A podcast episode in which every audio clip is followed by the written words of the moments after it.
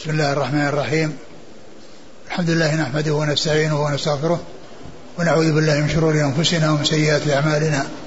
من يهده الله فلا مضل له ومن يضلل فلا هادي له. وأشهد أن لا إله إلا الله وحده لا شريك له. وأشهد أن محمدا عبده ورسوله. أرسله بالهدى ودين الحق ليظهره على الدين كله. فبلغ الرسالة وأدى الأمانة ونصح الأمة. صلى الله وسلم وبارك عليه وعلى آله وأصحابه ومن سلك سبيله واهتدى بهديه إلى يوم الدين.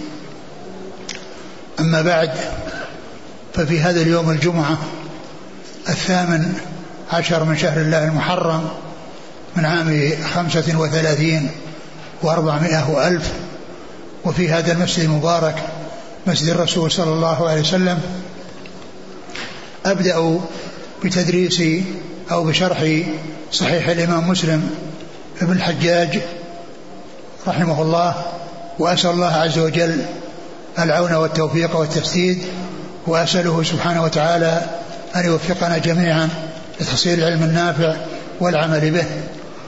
وفي هذا الدرس نتكلم بكلام عام عن الإمام مسلم وعن صحيحه وكذلك منزلة الصحيحين صحيح البخاري وصحيح مسلم. أما الإمام مسلم رحمه الله فكانت ولادته ولد في بلده نيسابور. ونيسابور هي إحدى يعني الأقاليم في خراسان. وكانت ولادته سنة أربع ومائتين على قول جماعة من أهل العلم وعلى قول بعضهم سنة ست ومائتين وقد قيل على القول بأنه يعني أربع ومائتين قالوا إنه ولد في السنة التي مات فيها الشافعي لأن الشافعي توفي سنة أربع ومائتين ومسلم على هذا القول الذي ذكره الحافظ في التقريب وذكره في التهذيب تهذيب التهذيب وغيره أنه سنة أربع ومائتين فيكون فتكون ولادته في السنة التي مات فيها الإمام الشافعي. والإمام الشافعي كما هو معلوم عمره أربع وخمسون سنة وقد ولد في سنة خمسين وهي السنة التي مات فيها الإمام أبو حنيفة. الإمام أبو حنيفة توفي سنة 150 والشافعي ولد سنة 150 وكانت وفاته سنة 204 وولادة الإمام مسلم سنة أربع ومائتين وقيل إنه أن ولادته كانت سنة ست ومائتين وكما هي عادة المشتغلين بالحديث يعني إذا أخذوا حديث أهل بلدهم وتتلمذوا على العلماء والمحدثين وأخذوا عن من كان من في بلدهم فأخذوا عن المشايخ الذين كانوا في بلدهم ثم بعد ذلك يرتحلون ويتنقلون في البلاد المختلفة. و فكان شأنه شأن العلماء المحدثين الذين بعد أن أخذوا ما في بلدهم وعرفوا أو درسوا على من كان في بلدهم يرحلون لطلب العلم ولطلب الحديث. فذهب يعني إلى العراق وإلى الحجاز وإلى مصر وإلى الشام كل ذلك رحلة في طلب الحديث. ومن المعلوم أن الأسفار في ذلك الوقت كانت شاقة وكانت مضنية وكان وكانت على الإبل وعلى الدواب ويأخذون الأشهر في السفر من بلد إلى بلد. يعني فكانوا يتجشمون المشاق. ويحصلون العلم بالتعب والنصب. وذلك أن العلم لا يحصل بالراحة ولا يحصل بدون تعب ونصب. ولهذا يقولون ملء الراحة لا يدرك بالراحة. ملء الراحة لا يدرك بالراحة. ملء الراحة التي راحة اليد هو شيء قليل لا يدرك بالراحة. ويقول يحيى بن أبي كثر اليمامي كما ذكره عنه مسلم في صحيحه قال لا يستطاع العلم براحة الجسم. لا يستطاع العلم براحة الجسم. من أراد أن يحصل علما ويريح جسمه ولا يتعب ولا ينصب فإنه لا يحصل بذلك علما لأنه لا يستطيع العلم براحة الجسم.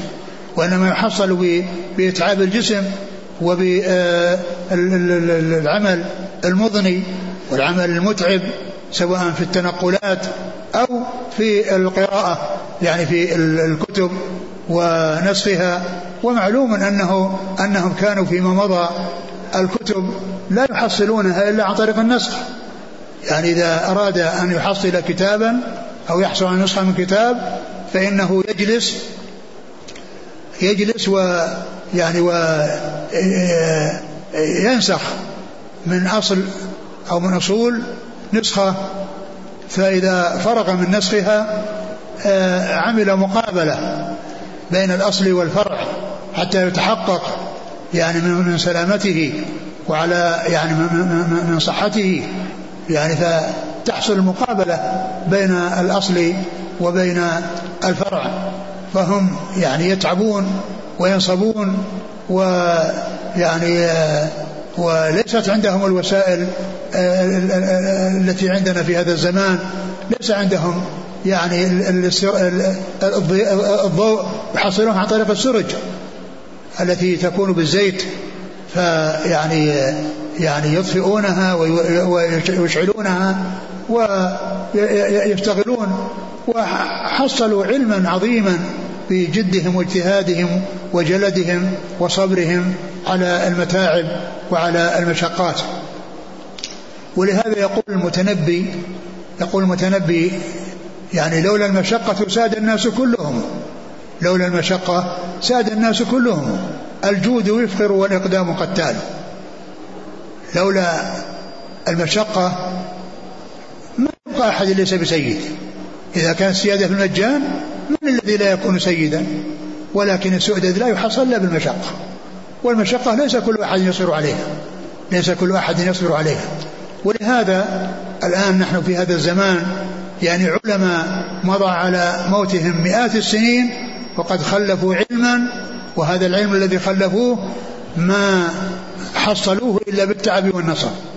حصلوه بالرحلات وحصلوه بالنسخ والمقابلة يعني بعد النسخ حتى يتحقق من سلامة وأذكر يعني مثال من الأمثلة وهي قريبة يعني جدا وهو أن يعني المكتبة المحمودية فيها نسخة من آه، كتاب ابن حجر بما يتعلق بالمسانيد العشرة و آه، فكان يوجد فيها نسخة وأرادت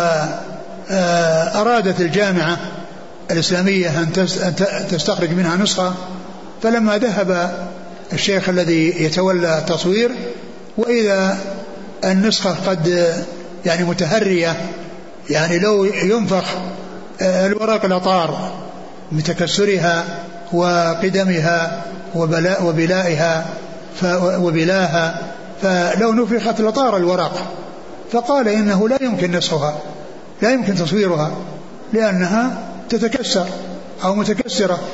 يعني الورق يعني قد مضى عليه وقت طويل حتى صار يعني آه، نفخه يطيره. ولكن آه هذه النسخة سبق أن جاء حاج من جنوب الهند من كيرلا في جنوب الهند وجلس ونسخ هذه النسخة. جاء للحج وجلس ونسخ هذه النسخة من أولها إلى آخرها يعني قبل أن يحصل لها البلاء وكان ذلك سنة 1354 يعني يعني في السنة التي السنة التي ولدت بها فكان يعني في يعني في ذاك الوقت يعني قيض الله لها هذا الرجل الذي جاء حاجا وجلس ونسخ ثم ذهب بها إلى الهند. ونفس الشخص الذي أراد أن أرسلته الجامعة ليصورها أرسلته الجامعة إلى الهند ليصور مخطوطات. ولما جاء إلى تلك البلاد وجد هذه النسخة التي نسخ ذلك الرجل الذي جاء للحج فصورها وأحضرها إلى إلى مكتبة الجامعة الإسلامية. ف وكان العلم كما قلت يعني لا يحصل بالراحة ولا يحصل بالسهولة واليسر وإنما يحصل بالنصب والجد والاجتهاد ولهذا يقول يحيى بن أبي كثير اليمامي لا يستطاع العلم براحة الجسم ومسلم رحمه الله رحل إلى هذه البلدان بعد أن أخذ حديث أهل بلده كما هي عادة المحدثين وحصل علما كثيرا وحصل يعني في تلك المدن يعني رأى روى عن شيوخ كثيرين يعني في تلك البلاد التي رحل إليها واستفاد مما من من من مما العلماء الذين كانوا فيها من المحدثين فصار له شيوخ كثيرون منهم من كان في بلده ومنهم من هو في هذه البلاد المختلفة. ولهذا عندما يأتون ويذكرون المشايخ روى عن عن فلان وفلان في البلد الفلاني وروى عن فلان وفلان في البلد الفلاني وروى عن فلان وفلان في البلد الفلاني. وقد مضى على موت يعني هؤلاء العلماء الذين يعني دونوا ما دونوا من العلم ودونوا ما دونوا من الحديث ودونوا ما دونوا من الفقه ودونوا ما دونوا من من الشروح يعني بقي مضى على موتهم مئات السنين وقد خلد الله ذكرهم. فصار الناس يرجعون إلى كتبهم ويدعون لهم ويثنون عليهم ويترحمون عليهم لأنهم استفادوا من علمهم الذي خلفوه بما يحصل لهم من تعب وما يحصل لهم من نصر فاستفاد الناس منهم واستفادوا هم من الناس دعواتهم لهم على مر العصور وعلى مر الدهور يدعون لهم ويترحمون عليهم ويستفيدون يعني يستفيدون من علمهم. ف يعني ف وقد قال عليه الصلاة والسلام إذا مات ابن آدم انقطع عمله إلا من ثلاث صدقة جارية أو علم ينتفع به أو ولد صالح يدعو له. ومن العلم الذي ينتفع به يعني ما يخلف الإنسان وراءه من مؤلفات نافعة ويعني كتب مفيدة يعني يكتبها ويحررها ويجعلها بعده فهذا هو أحسن ميراث وهو خير ميراث. وهذا هو ميراث الأنبياء.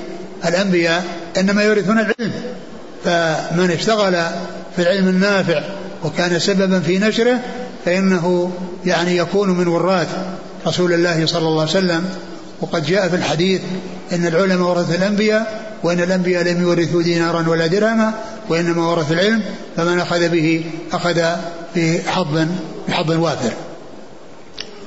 و وكانت وفاته رحمه الله يعني في سنة 261 آه، أي بعد وفاة البخاري بخمس سنوات البخاري توفي 256 وهو توفي سنة 261 ف وكان رحمه الله ألف كتابه هذا الكتاب العظيم الذي هو الجامع الذي هو جامع صحيح الذي هو أصح الكتب يعني بعد صحيح البخاري وصحيح البخاري وصحيح مسلم هما أصح الكتب وأهمها وأعظمها وقد اشتمل على أحاديث كثيرة من أحاديث الرسول صلى الله عليه وسلم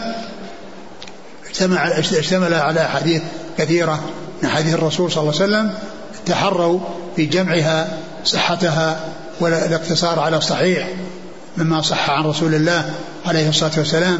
ولهذا سمى كتابه المسند الصحيح المختصر من سنن الرسول صلى الله عليه وسلم بنقل العدل عن العدل إلى رسول الله صلى الله عليه وسلم وهو مختصر.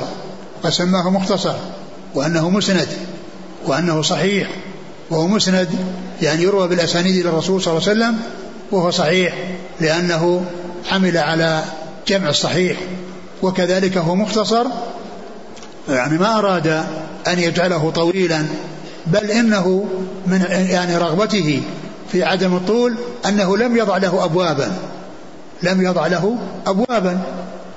ولكنه في حكم المبوب هو مبوب وإن لم يكن فيه أبواب لأنه يجمع الأحاديث المتعلقة بموضوع واحد في مكان واحد.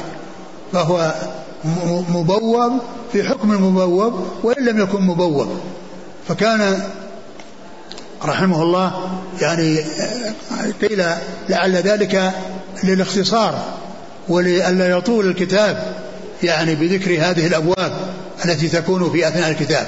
كله أحاديث عن رسول الله صلى الله عليه وسلم مسندة والقليل منها الذي يعني يكون يعني من التعاليق القليلة جدا التي يعني يعني لا تبلغ تبلغ أربعة عشر يعني حديثا والباقي كلها حديث مسندة متصلة الإسناد منه إلى رسول الله صلوات الله وسلامه وبركاته عليه.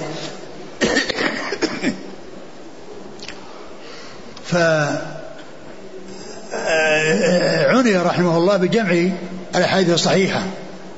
ومثله البخاري فإنه عني بجمع الأحاديث الصحيحة عن رسول الله صلى الله عليه وسلم ولكن كل واحد منهما لم يلتزم أن يخرج كل حديث صحيح ولا أن يخرج عن كل ثقة ولا أن يخرج عن كل ثقة وإنما خرجوا جملة كبيرة من الأحاديث الصحيحة. فهما لم لم يستوعبا ولم يريد ولم يقصد الاستيعاب. ولهذا لا يستدرك عليهما. لا يستدرك عليهما لأنه ما قال إنهما جمع صحيح حتى يستدرك عليهما. ف فهما لم يستوعبا ولم يقصد الاستيعاب. وقد نصوا هم أنفسهم على أنهم إنما جمعوا جملة كبيرة من حديث الصحيح عن رسول الله صلى الله عليه وسلم وما قصد الاستيعاب حتى يستدرك عليهما ويقال فاتهما كذا وفاتهما كذا وفاتهما كذا. ف آه هذان الكتابان اتفقت الأمة على تقديمهما على غيرهما وأنهما مقدمان على غيرهما. لا يماثلهما كتاب ولا يدانيهما كتاب. وكل وصحيح البخاري هو مقدم على صحيح مسلم. وهذا هو المعروف عن أهل العلم. المعروف عن أهل العلم أنهم يقدمون صحيح البخاري على صحيح مسلم. و ومسلم هو الذي يليه في الرتبة ويليه في المنزلة وكل منهما عمدة لأهل الإسلام وأصح الكتب المؤلفة في حديث رسول الله صلوات الله وسلامه وبركاته عليه. ولهذا يعني عند التخريج يعني أو تخريج الأحاديث عندما يعني يريد يريد المخرج أو يخرج الأحاديث إذا كان في الصحيحين أحدهما اكتفى بذلك. إذا كان في الصحيحين أو أحدهما اكتفى بذلك. لا يحتاج إلى أن يذكر بعده كذا إلا إذا كان سيستوعب يعني في التخريج ويذكر المضان في الصحيحين وفي غير الصحيحين وإلا فإن الاختصار الذي يكون في التخريج يكون بالاقتصار على الصحيحين أو على أحدهما.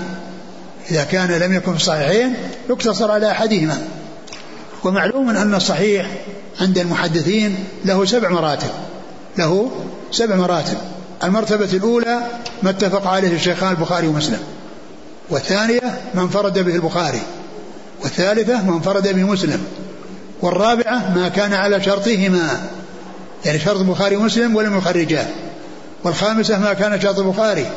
والسادسة ما كان شرط مسلم والسابعة ما لم يكن من روايتهما ولا وليس على شرطهما.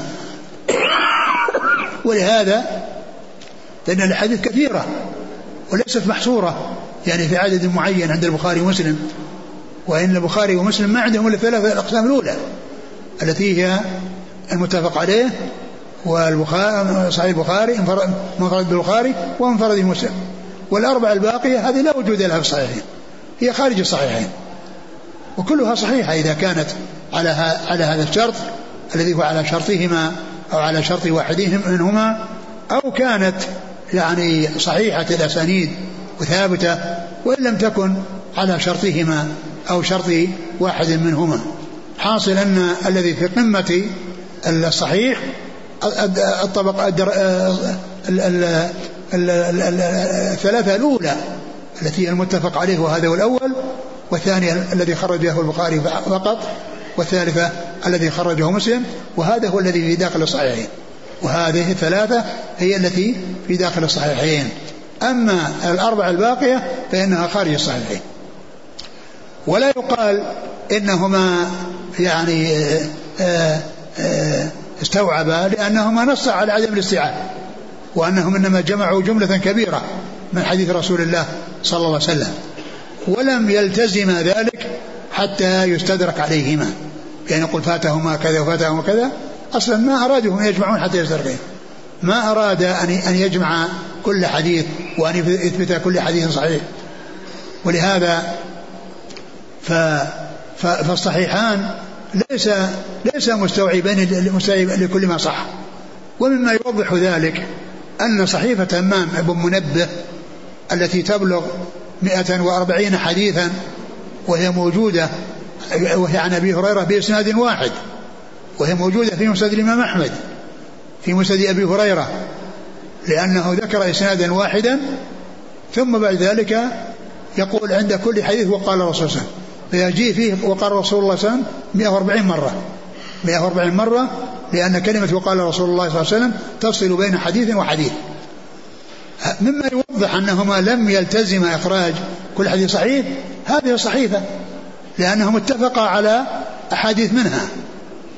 يعني رواه البخاري ومسلم وانفرد البخاري بأحاديث وانفرد مسلم بأحاديث وبقي أحاديث لم تكن عندهما ولا عند واحد منهم. فهذا من أوضح الأدلة على أنهما لم يخرجا كل صحيح. لأنهم لو خرجوا كل صحيح ما تركوا شيء من الصحيح. ما ترك شيء من الصحيح بل استوعباها وهما لم يستوعباها.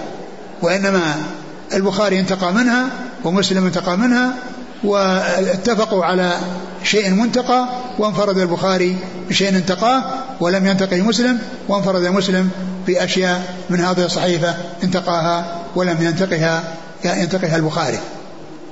فهذا مما يوضح أنهما لم يلتزما إخراج كل حديث صحيح. لأن الحديث الصحيحة كثيرة جدا وهي خارج الصحيحين. وهذا أوضح مثال يعني يتبين به أن البخاري ومسلم لم يقصد الاستيعاب. لأنهما لو قصد الاستيعاب ما تركوا شيئا من الصحيفة. وهي تبلغ 140 حديث. وهي تبلغ 140 حديثا هي بإسناد واحد ويفصل بين كل حديث وحديث بقوله وقال رسول الله صلى الله عليه وسلم فيأتي كما قلت آه، في هذا الحديث آه، لفظ قال رسول الله وقال رسول الله يعني آه، يعني 140 مرة. وكان يعني الإمام مسلم رحمه الله يعني له طريقة وهو في حسن التنظيم والترتيب يعني متميز في هذا رحمة الله عليه. ولهذا هذه الأحاديث التي يرويها من الصحيفة يرويها بإسناد واحد ويشير في نهاية كل إسناد إلى القطعة التي يريدها. فيقول عن, محمد بن رافع لأنها كلها من طريق محمد بن رافع عن عبد الرزاق عن معمر عن همام عن أبي هريرة. فإذا جاء عند همام قال هذا ما حدثنا أبو هريرة عن رسول الله صلى الله عليه وسلم فذكر أحاديث. يقول مسلم فذكر أحاديث. منها وقال رسول الله صلى الله عليه وسلم. إذا كان الحديث في الوسط إذا كان الحديث في الوسط يعني بعد الحديث الأول يعني فذكر أحاديث منها وقال رسول الله. أما البخاري فإنه يعني يختار منها ولكن يسوق الإسناد ويأتي بالجملة أو القطعة من الحديث فيركبها على الإسناد بحيث لا يفهم. يعني يعني يعني مثل ما يفهم من مسلم.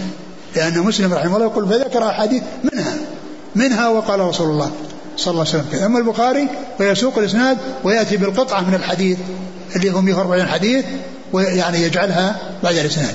وهذا عمل صحيح. لا شك أن, أن هذا هذا الإسناد يعني كل القطع أنها تنبني عليه وتنتهي يعني يعني إن هذا إن الأسانيد كل أي حديث منها إذا وضع بعد أول إسناد بعد الإسناد فإن ذلك صحيح. لكن هذه الدقة اللي عند الإمام مسلم رحمه الله هذه يدل على تميزه رحمه الله يعني في في في في, في كتابه وترتيبه وتنظيمه وأنه يعني يضع الشيء في, في, في, في المكان المناسب. ثم آه، أيضا لم يلتزم الإخراج عن كل راوي عن كل ثقة. لم يلتزم الإخراج عن كل ثقة. ولا يعني ذلك أن من لم يخرج من لم يخرج له في الصحيحين أنه في كلام عندهم أبدا. ولكن هكذا اتفق. الأحاديث اللي اختاروها جاء فيها هذه الأسانيد لكن من لم يأتي في هذه الأسانيد من الرجال وهو ثقة لا يقال إنه مقدوح به عندهم. لا يقال إنه مقدوح به عندهم. وإنما هكذا اتفق. الأحاديث اللي اختاروها وأثبتوها بأسانيدها لم يتفق أن يكون بعض الثقات الأجلة يعني من من رجال هذه الأسانيد. فليس قدحا فيهم ولهذا يعني من من من من من الأشياء أو من الأمثلة أن أبا عبيد القاسم بن سلام وهو إمام يعني ثقة يعني أثنى عليه ابن القيم في كتابه إعلام الموقعين في أوله قال نفخ فيه الروح فملئ علما وفقها وأدبا وراح يثني عليه بكلام كثير ومع ذلك ما له رواية في الصحيح ليس له رواية في الصحيحين فلا يعني عدم إخراج عدم إخراجهما لرجل أن فيه كلام لأنه ما أراد ما أراد ذكر كل ثقة وما أراد الرواية عن كل ثقة وما أراد الرواية عن كل ثقة وإنما رووا جملة كثيرة من الأحاديث بأسانيدها التي اتفقت لهم ولا يعني ذلك القدح بمن لم يأتي ذكره من الثقات في رجال البخاري أو في رجال مسلم. فهذا مثال واضح.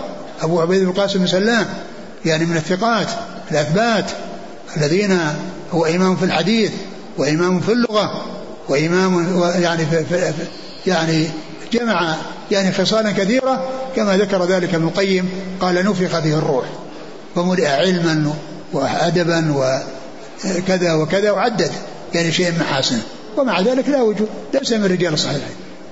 يعني يعني جاء ذكره في في بعض الكلمات في بعض الكلمات اللغوية يعني عند البخاري لكنه ما ما روى له بالإسناد ما روى له بالإسناد. وكذلك الحميدي أول شيخ البخاري في صحيحه عبد الله بن الزبير المكي.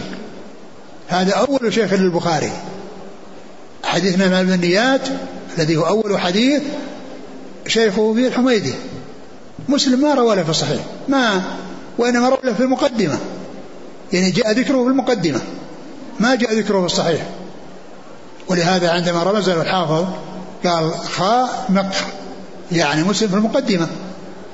يعني فلا يعني عدم إخراج البخاري ومسلم جميعا أو إخراج البخاري وحده أو مسلم وحده عن رجل من الثقات عدم إخراجه له أنه يكون موصوفا بعدم الثقة أو أنهما ترك لأنهما لم يلتزما إخراج كل حديث صحيح ولم يلتزم الإخراج لكل ثقة. فكم من ثقة لا لم يخرج له في الصحيحين أو أحدهما وكم من حديث صحيح لا وجود له في الصحيحين أو أحدهما.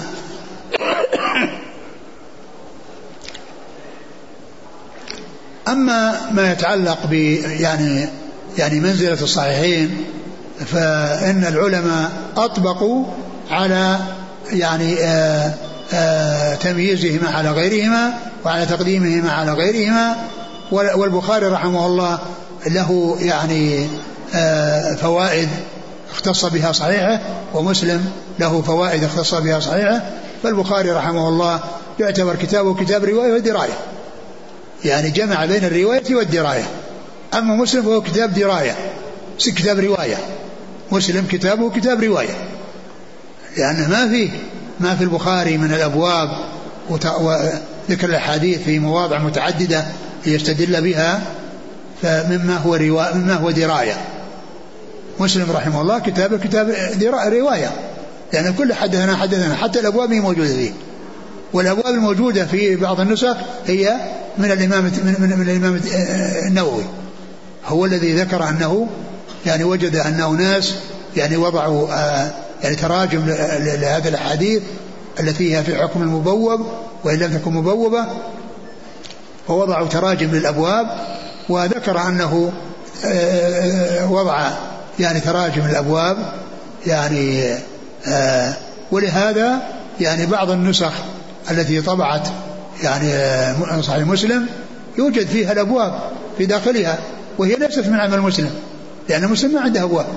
كله يريد بذلك أن لا يطول حجم الكتاب بالأبواب لا يطول حجم الكتاب بالأبواب. ولهذا يعني أن أراد أن يكون مختصرا ومن اختصاره ألا يكبر حجمه بالأبواب التي يريدها. ولهذا النووي رحمه الله في شرح صحيح مسلم يعني الأبواب تحت في الحاشية لأنها من عمله.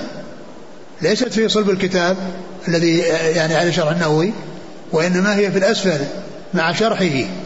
ولكن الذين طبعوا صحيح مسلم جعلوها يعني في داخل في داخله ونقلوها من الحاشية إلى إلى مكانها في نفس الصحيح إلى مكانها في نفس كتابه آه، الصحيح. فهو كما قالوا يعني آه، مبوب في حكم مبوب وإن لم يكن مبوبا. ولهذا الحديث يجمعها في مكان واحد ويوضع الباب لهذه المجموعة. فالبخاري ميزته أنه كتاب رواية دراية لأنه يذكر الآثار عن الصحابة ويذكر الآثار عن التابعين ويذكر تراجم يعني فيها فقه ولهذا يقولون فقه البخاري فيه تراجم يعني يدل على فقهه وعلى قوة فقهه وتمام فقهه أنه يعني يترجم بتراجم تستنبط من الأحاديث فيجعلها ثم يسوق الحديث يستدل به. وقد يأتي بالحديث بأكثر من 20 موضع لأنه أراد أن يكون كتاب كتاب دراية مع كون كتاب رواية. فيبين ما فيه من الاستنباطات وما فيه من الفقه وما فيه من الأحكام الشرعية التي يعني اشتمل عليها. أما مسلم فإنه يسوقها مساقا واحدا في مكان واحد. ولا يكرر الحديث في أكثر من موضع إلا في مواضع محدودة. إلا في مواضع محدودة. يعني ال يعني ال آه وإلا فإن بقي يسوق مساقا واحد. يعني ويحيل على ما تقدم. يذكر ثم يذكر الروايات ويحيل على ما تقدم فيكون الإنسان يقف على الأحاديث المتعلقة في موضوع واحد في مكان واحد. بخلاف البخاري فإنها تكون مفرقة. مفرقة في الأبواب المختلفة. الأبواب المتعددة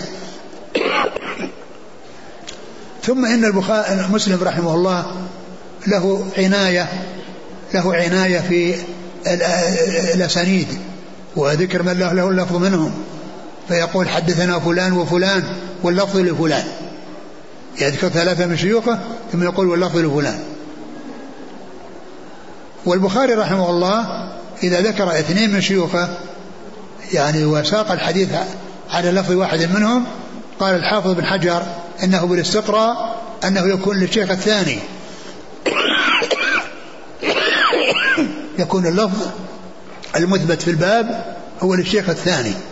وأما الشيخ الأول فإنه يورده في مكان آخر ويسوقه على خلاف السياق الذي أثبته في هذا الباب الذي يعني قال الحافظ أنه عرف بالاستقراء أن يعني ذلك إنما يكون للشيخ الثاني الذي يأتي يعني في الإسناد. حدثنا فلان عن فلان عن فلان ثم حا وحدثنا فلان فيكون الشيخ الثاني هذا هو الذي يكون له اللفظ. قال بدليل أنه يذكر الحديث في موضع آخر مكرر ويكون غير اللفظ الذي ساقه. فاستفيد من هذا أن ما كان عند البخاري في من إسنادين فإن اللفظ للثاني منهما. إذا لم يقل واللفظ لفلان. يعني إذا قال واللفظ لفلان خلاص انتهى. عين من له اللفظ. لكن إذا لم يكن يعني مسلم يقول اللفظ لفلان. أما ذاك لا يقول لفظ لفلان ولكنه يذكر آه، الاثنين ويسوقه على لفظ الثاني. على لفظ الثاني. مسلم رحمه الله كذلك يفرق بين حدثنا وأخبرنا. حدثنا فلان وفلان وفلان قال فلان حدثنا وقال فلان أخبرنا. قال فلان حدثنا وقال أخبرنا. ف وكذلك أيضا يكثر التحويل من إسناد إلى إسناد لأنه يجمع الأسناد في مكان واحد فاحتاج إلى التحويل. بخلاف البخاري فإنه لا يحتاج إلى أن يجمع الأسانيد. يفرقها في الأبواب. يفرقها في الأبواب. وأما مسلم فيجمعها في مكان واحد فيحتاج إلى أن يأتي بحال التحويل. حدثنا فلان عن فلان عن فلان حاء وحدثنا فلان. يجي شيخ جديد. وإسناد آخر يلتقيان عند شخص معين ثم يستمران إلى نهاية الحديث عن رسول الله عليه الصلاة والسلام. فمسلم في ناحية التنظيم والترتيب يعني له ميزة على غيره. له ميزة. على على البخاري لأنه الأحاديث تكون مجتمعة في مكان واحد مع عدم الرواية بالمعنى ولهذا قال الحافظ بن حجر في آه، ترجمة مسلم في تهذيب التهذيب قال قلت حصل للإمام مسلم حظ عظيم مفرط حظ عظيم مفرط يعني وذلك بعنايته. بالأحاديث وعدم تقطيعها وعدم الرواية بالمعنى وإنما يسوقها بألفاظها. قال وقد أراد جماعة من النسابوريين أن يسيروا على نهجه وحفظت منهم عشرين شخصا فلم يبلغوا شأوة. فسبحان المعطي الوهاب. هكذا قال الحافظ بن حجر في ترجمة الإمام مسلم في تهذيب التهذيب. يعني مثنيا على طريقته وعلى يعني مسلكه يعني في التنظيم والترتيب. ولهذا يقول يعني بعض أحد الشعراء تناظر قوم في البخاري ومسلم لدي وقالوا أي ذين تقدم؟ فقلت لقد فاق البخاري صحة كما فاق في حسن الصناعة مسلم. كما فاق في حسن الصناعة حسن الصناعة مسلم. يعني معناه ترتيبه وتنظيمه. ومن أمثلة يعني ترتيبه وتنظيمه ووضعه الحديث في مكانه المناسب له الحديث الذي رواه مسلم في صحيح عن ابن عباس عن أبي حمزة القصاب عن ابن عباس أن الرسول صلى الله عليه وسلم قال لابن عباس اذهب فادع لي معاوية. فذهب إليه وقال إنه يأكل. فقال اذهب وادع لي معاوية. فذهب إليه ورجع وقال يأكل. قال لا أشبع الله بطنه. لا أشبع الله بطنه. يعني يعني بعض المغرضين والذين آه، ينولون الصحابة يعتبرون هذا ذم لمعاوية. يعتبرون هذا ذم لمعاوية ولكنه مدح لمعاوية. بدليل يوضح ذلك حسن صنيع الإمام مسلم. الإمام مسلم رحمه الله ذكر الأحاديث التي فيها دعاء الرسول صلى الله عليه وسلم على أناس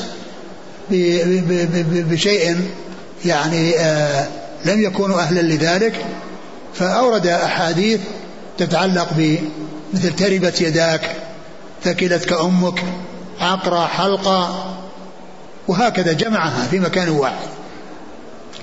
ثم جاء بعدها بحديث أنس في قصة أم سليم ويتيمتها. كانت أم سليم عندها يتيمة صغيرة وكان الرسول صلى الله عليه وسلم رآها وهي صغيرة. فأرسلته فأرسلتها أرسلت أرسلتها إلى الرسول صلى الله عليه وسلم. فلما رآها كبرت. قال أنت هي؟ كبرت. لا كبرت سنك. لا كبرت سنك. فرجعت اليتيمة تبكي. فجاءت أم سليم مسرعة. وقالت ما لك؟ ما لك يا أم سليم؟ قالت إنك دعوت على يتيمتي.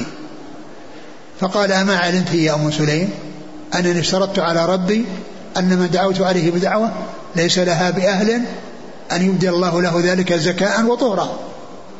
أن يجعل الله له ذلك زكاء وطهرا. عندما فرغ من الحديث أتى بحديث لا أشبع الله بطنه. بعده مباشرة. بعد هذا الكلام كله أتى بحديث لا أشبع الله بطنه. يعني فصار مدحا لمعاوية. وصار دعاء لمعاوية لا دعاء عليه. وصار دعاء له لا دعاء عليه. وصار محمدة له لا مذمة. يعني كما يريده بعض الذين ينالون من الصحابة ويحقدون على الصحابة ويبحثون عن كل شيء فيه يعني ذم للصحابة ف يعني هذا الحديث الذي يعني آه، أعجبهم آه، يعني هو داخل تحت هذه الجملة التي قالها لأم سليم أنني اشترطت على ربي أن من دعوت عليه بدعوة ليس لها بأهل أن يبدل الله له ذلك زكاء وطهرا. أن يبدل الله له ذلك زكاء وطهرا. فهذا من كمال من حسن تنظيمه وحسن ترتيبه آه، آه، رحمة الله عليه.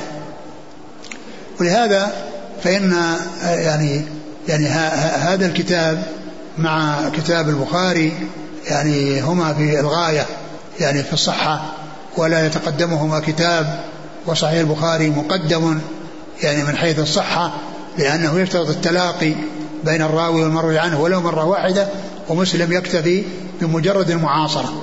يكتفي بمجرد العاصرة وإمكان اللقاء. وإمكان اللقاء والبخاري يشترط حصول التلاقي ولو مرة واحدة. ومعلوم أن كل منهما صحيح لا يعني ما كان عليه البخاري ولا ما كان عليه مسلم ولكن ما كان عليه البخاري أتم. ويعني أقوى وأصح ولهذا يعني قدمه العلماء يعني على صحيح مسلم بالأصحية وأنه لا يساويه كتاب وأن ما جاء من تقديم مسلم إنما هو محمول على حسن ترتيبه وحسن يعني تأليفه ويعني و يعني هذه الميزة التي يتميز بها على صحيح البخاري. لكن صحيح البخاري كما هو معلوم امتاز ب يعني آه، تفريق الحديث والاستدلال به.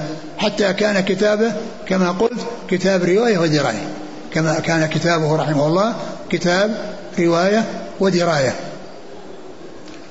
والإمام مسلم يعني عني أو من أحسن من اعتنى به الشيخ محمد فؤاد عبد الباقي الذي توفي سنة 1388 فقد اعتنى بصحيح مسلم ووضع له فهارس ورقم أحاديثه وتسلسلا عاما وتسلسلا خاصا.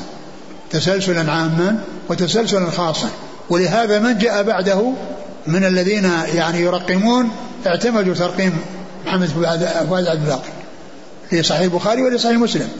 لكن عنايته بصحيح مسلم يعني فائقة لأنه يعني وضع في خمسة مجلدات المجلدات الأولى الأربعة كلها يعني الأحاديث والمجلد الخامس كله فهارس لصحيح مسلم أنواع من الفهارس أنواع من الفهارس. وقد ذكر أنه بالاستقراء وجد أن مسلما لا يكرر الحديث يعني آه، في أكثر موضع إلا شيء قليل. قال 137 موضع. يعني في جميع الصحيح. الذي جاء الحديث في أكثر من موضع تبلغ 137 تبلغ 137 والباقي كله في مكان واحد. والباقي كله يعني في مكان واحد. وقد أحصاها يعني أحصى حديثه. حتى بلغت آه بدون تكرار ثلاثة آلاف وثلاثة وثلاثين. وبالتكرار سبعة آلاف وخمسمائة وثلاثة وستين. ولكن الشيء الذي يعني الحقيقة يعني ليس بجيد من الشيخ فؤاد عبد الباقي أنه رقم الأحاديث الأثار اللي في المقدمة وجعلها من جملة الأرقام التي هي يعني من جملة الأحاديث الصحيحة مع أنها آثار. يعني أكثرها آثار. المقدمة فيها سبعة أحاديث مرفوعة إلى الرسول صلى الله عليه وسلم. بالأسانيد والباقي كله آثار. وهي تبلغ 92 رقم. وحسبها وصار كتاب الإيمان يبدأ ب 93 معنى ذلك أن الآثار التي مضت في المقدمة تعتبر من جملة الأحاديث. وهذا غير صحيح وهذا غير مستقيم. بل كان ينبغي يعني أن يرقم الأحاديث الآثار على حدة والأحاديث الصحيحة على حدة ويذكر السبعة الأحاديث المستدى المقدمة ثم يأتي بعدها بكتاب الإيمان. هذا هو المناسب. وإلا فإن الآن 333 3033 يعني التي هي بدون تكرار يدخل فيها هذه الآثار. حدثنا فلان حدثنا فلان قال فلان كذاب. حدثنا فلان حدثنا فلان قال فلان يعني متهم. حدثنا فلان حدثنا فلان قال كذا حدثنا فلان كل آثار. الأحاديث الصحيحة المرفوعة الرسول صلى الله عليه وسلم في المقدمة سبعة بالأسانيد. يعني أشار إليها الشيخ زهير يعني في النسخة التي يعني عملها وذكر يعني ما كان يعني آه، آه، مرفوعين للرسول صلى الله عليه وسلم بالأسانيد هي سبعة. والباقي كله آثار. ولكنها دخلت عند الذين يعدون في جملة الصحيح. فإذا 3033 يدخل فيها يعني أقل قريب من التسعين قريب من التسعين آثار. لا علاقة له بالحديث لا علاقة لها بالحديث. لا علاقة لها بالحديث. والذين جاءوا بعده التزموا آه التزموا آه ترقيمه. لأنه دقيق في ترقيمه ولهذا دخل فيه يعني هذا الشيء الذي هو الآثار محسوبة مع أنها لا دخل لها في الأحاديث. يعني يعني يعني يمكن 85 85 أثرا كل هذه لا علاقة لها في الأحاديث. وإنما هي مجرد آثار تنتهي إلى يعني إلى جماعة من العلماء يعني قالوا يعني كذا يعني منهم من يبين عظيم قدر الحديث مثل ما جعل الله المبارك يقول الإسناد من الدين ولو لولا الإسناد لقال من شاء ما شاء وهذا بالإسناد إليه. وكذلك أسانيد كثيرة كما قلت كلها في الكلام في رجال. فلان قال عن فلان قال فلان كذا. حدثنا فلان عن فلان قال فلان كذا. هذه ليست أحاديث. ليست أحاديث.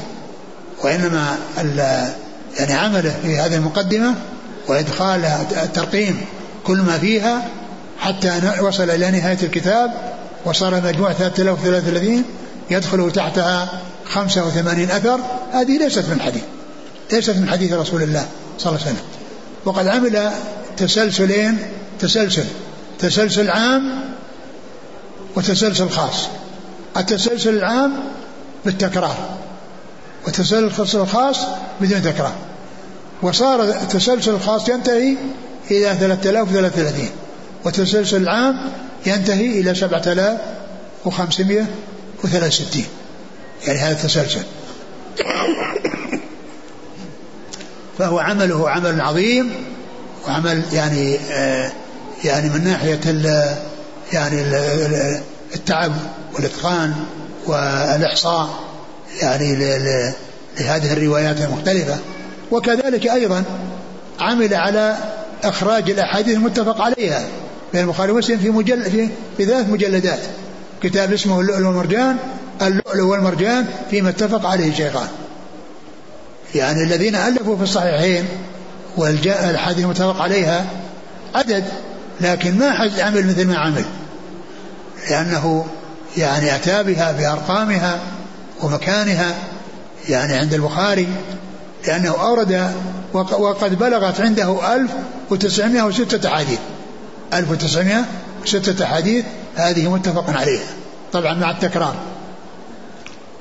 ويعني وأتى بها على طريقة مسلم على ترتيب مسلم. وإذا ساقها على ترتيب مسلم يأتي بأقرب لفظ عند البخاري فيثبته.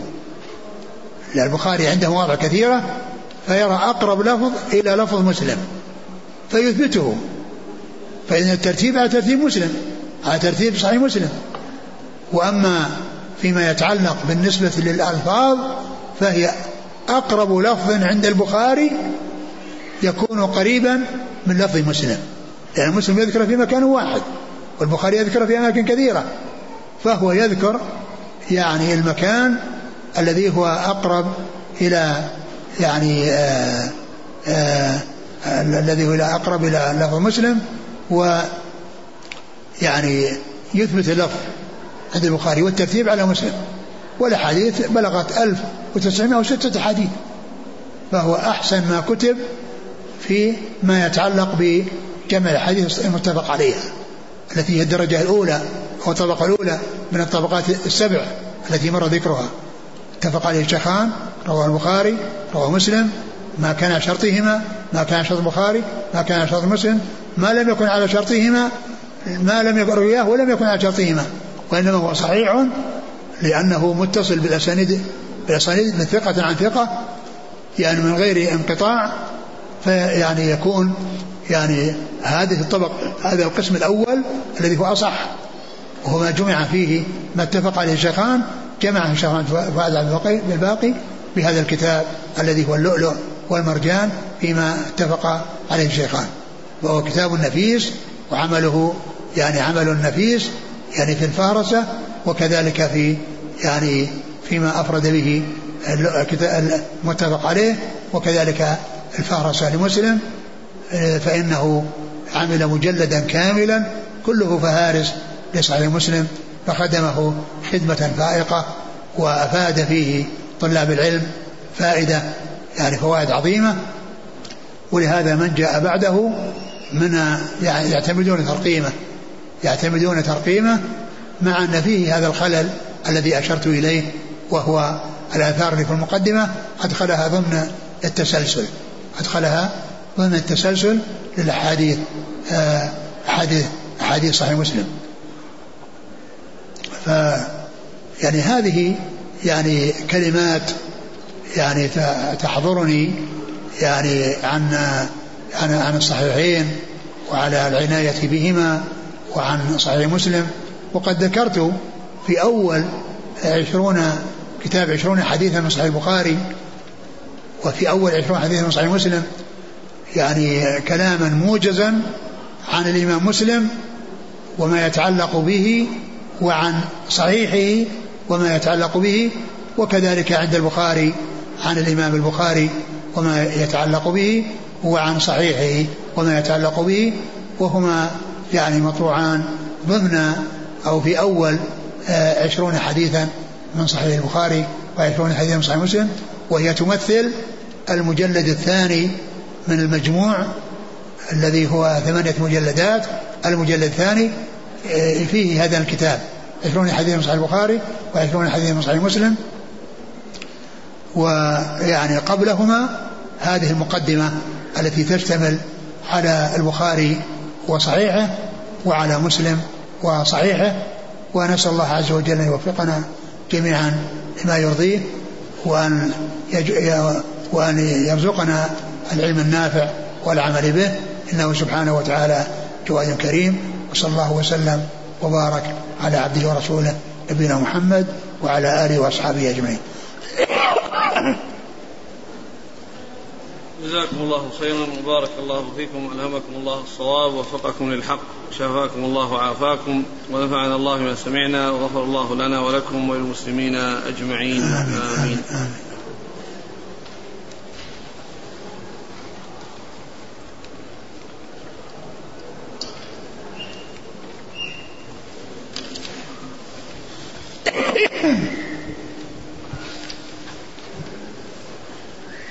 ما ذكر في سبب وفاة الإمام مسلم من كونه أنه كان يأكل التمر هل هذه القصة صحيحة؟ لا أدري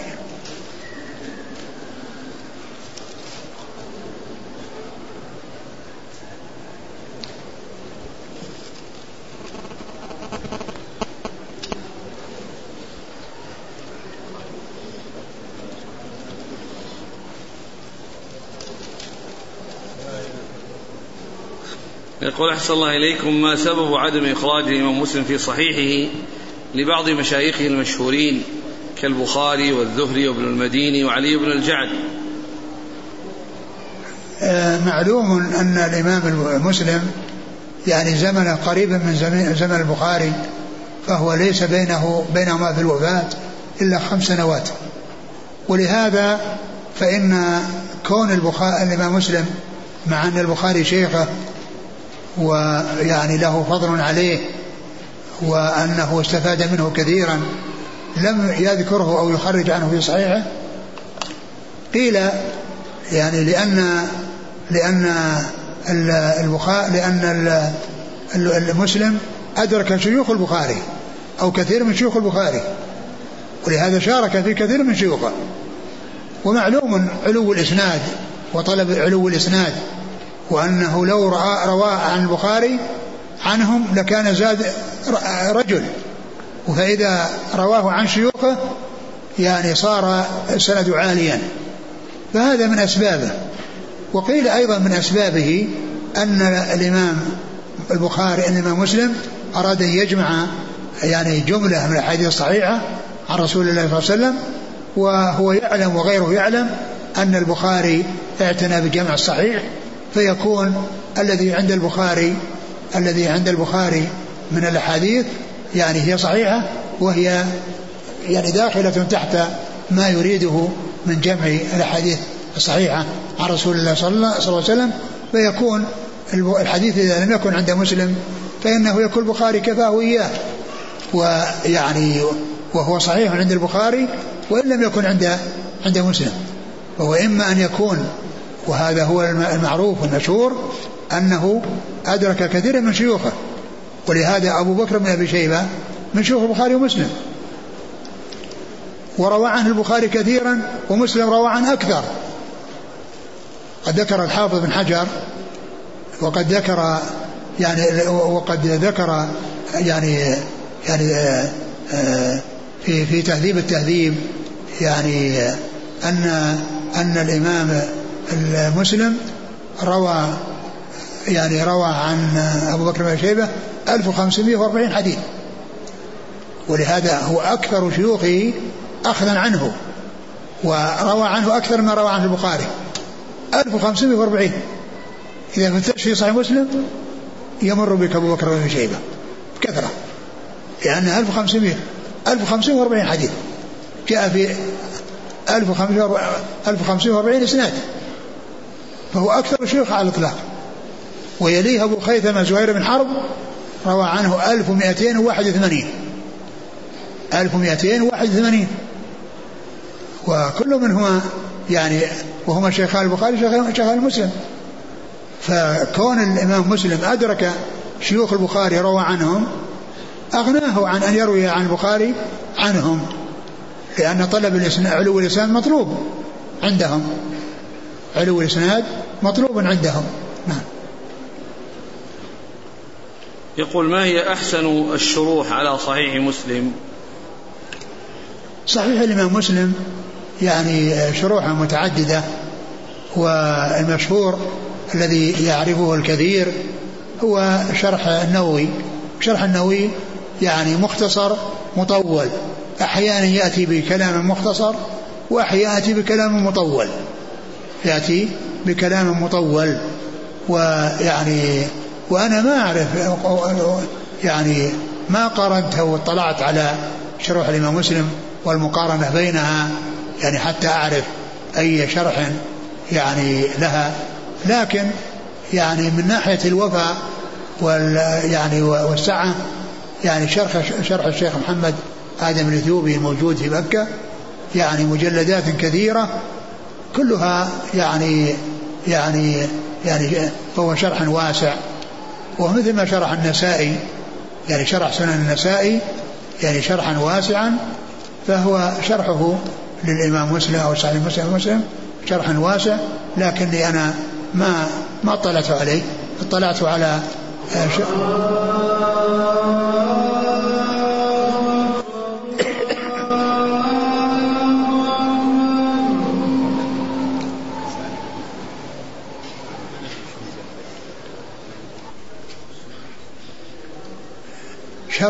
للنسائي يعني شرح يعني جيد وواسع ومفيد ويعني من من من فوائده وميزاته أنه ينقل عن العلماء في الكتب المختلفة من عن الحافظ بن حجر وغيره ويعني ويختم ذلك بقوله أفاده يعني في فتح الباري.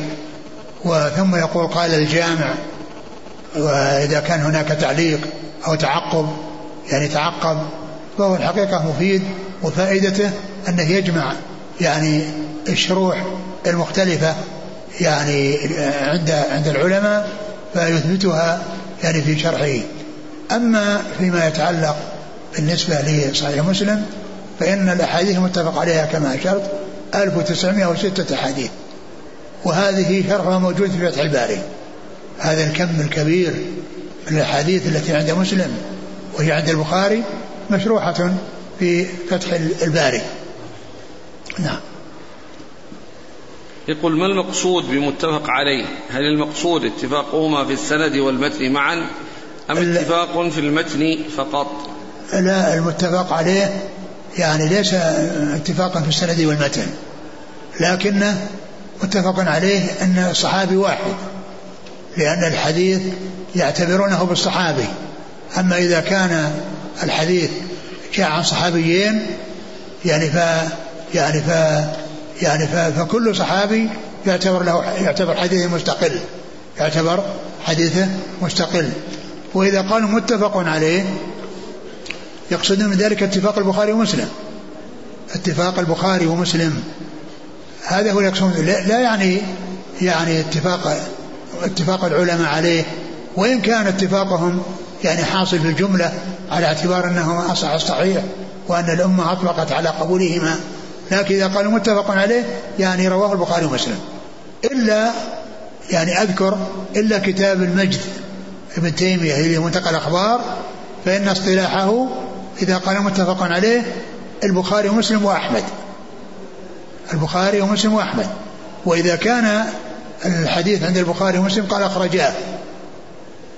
فإذا كلمة متفق عليه عند المجد بن تيمية معناها اتفاق الثلاثة البخاري ومسلم وأحمد.